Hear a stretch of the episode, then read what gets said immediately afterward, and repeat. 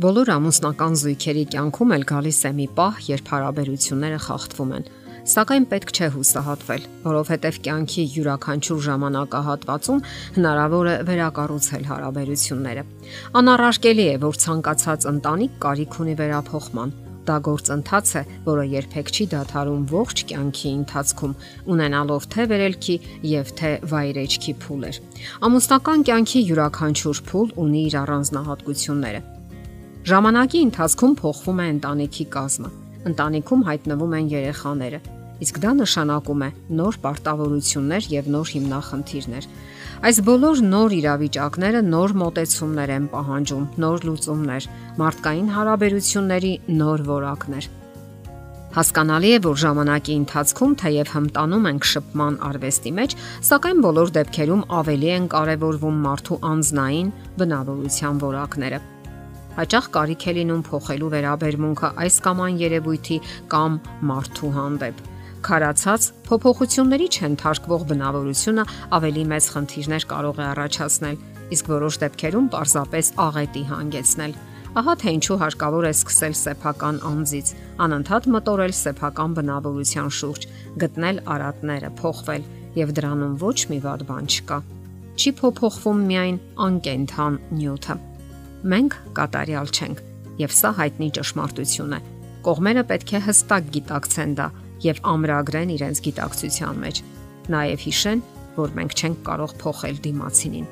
Մենք միայն մեզ կարող ենք փոխել։ Հասուն անznավորությունը շատ դժվար է փոխել եւ այն էլ հարկադրելով։ Փոխհամաձայնությամբ թերևս կարելի է ինչ-որ բանի հասնել, լրացնելով միմյանց ուժեղ ու թույլ կողմերը։ Կյանքի կանոններից մեկը մարդկանց հետ փողզիչման գնալն է։ Ասում են, որ սովորությունները երկրորդ բնավորություն են, իսկ դրանք միտում ունեն խորանալու։ Դա զարմանալի չէ։ Չէ որ սովորությունը վարքագծի ձև է, որը մենք ծրագրավորել ենք մեր անձնական համակարգչում, մեր ուղեղում բայց արդյոք սա նշանակում է, որ մենք մեր ողջ կյանքում դատապարտված ենք ապրելու մեր բաց սովորությունների հետ։ Արդյոք մենք միշտ պետք է դժգոհ լինենք, բողոքենք, քննադատենք, բարկության նոպաներ ունենանք եւ այլ բացասական հակազդեցություններ։ Իհարկե ոչ։ Ամուսնական կյանքը հենց այն դաշտն է, որտեղ մենք պետք է փոփոխություններ մտցնենք մեր բնավորության մեջ, փոխենք մեր ված սովորությունները։ Իսկ ինչպես անել դա։ Նախ ասենք, որ ամեն ինչ ունի իր ժամանակը։ Իսկ փոփոխությունները պետք է կատարել այն ժամանակ, երբ մենք սթրեսային վիճակում չենք լավագույն ժամանակն այն պահն է, երբ մենք խորապես համոզված ենք, որ փոփոխություններն անհրաժեշտ են։ Եվ այսպես սկսեք մեկ սովորությունից։ Դուք չեք կարող միանգամից մի քանի սովորություն փոխել։ Դրեք փոքր նպատակներ եւ սկսեք իրականացնել դրանք։ Այդպես դիմացինն էլ անակնկալի չի գա եւ չի բախվի իր համար անսովոր երևույթների Իսկ այդ ճանապարհին ձեր փոքրիկ հաջողությունները կողքեշնչեն ձեզ եւ կամրապնդեն հաջողության հասնելու ձեր ջանքերը։ Հետաքրքիր միտք է արտահայտել նշանավոր գրող Մարկ Տվենը։ Սովորությունը մնում է սովորություն։ Ոչ մեկը չի կարող պատուհանից դուրս շպրտել այն, այլ պետք է աստիճան առ աստիճան ցած իջեցնել այն։ Նաև հիշենք, որ հարկավոր է ինչ որ բանով լցնել առաջացած դատարկությունը եւ իհարկե դրական բանով Ասենք օրինակ, դժգոհ դիտողությունները կարող եք փոխարինել հաճոյախոսություններով այն բոլոր լավ բաների համար, որ անում են ձեզ համար։ Կարող է անսովոր թվալ իհարկե, մենք այնքան ենք սովորել անբավարար ու դժգոհ անտարբեր վերաբերմունքի, որ հաճախ լավն ու անսովորը անբնական է մեզ համար։ Քննադատությունը քայքայում է ցանկացած փոխհարաբերություն։ Հաշվի առեք դա եւ վերածրագրավորեք ձեր բնավորությունը փոխարինեք դրանք այլ սովորություններով։ Կազմեք ձեր ամուսնու 10 լավագույն որակների ցուցակը եւ օրվա ընթացքում 3 անգամ բարձրաձայն կարդացեք դրանք։ Կարելի է կարգավորել բացասական վերաբերմունքը այն փոխարինելով դրականով։ Հնարավոր է, որ միանգամից չստացվի, սակայն դա չպետք է ձեզ վհատեսնի, որովհետև դրա համար ժամանակ է պետք։ Մի իմաստուն անznավորություն այսպիսի հետաքրքիր միտք է արտահայտել։ Հեշտ է թողնել սովորությունը, սակայն նույնքան հեշտ է նորից դրան վերադառնալը։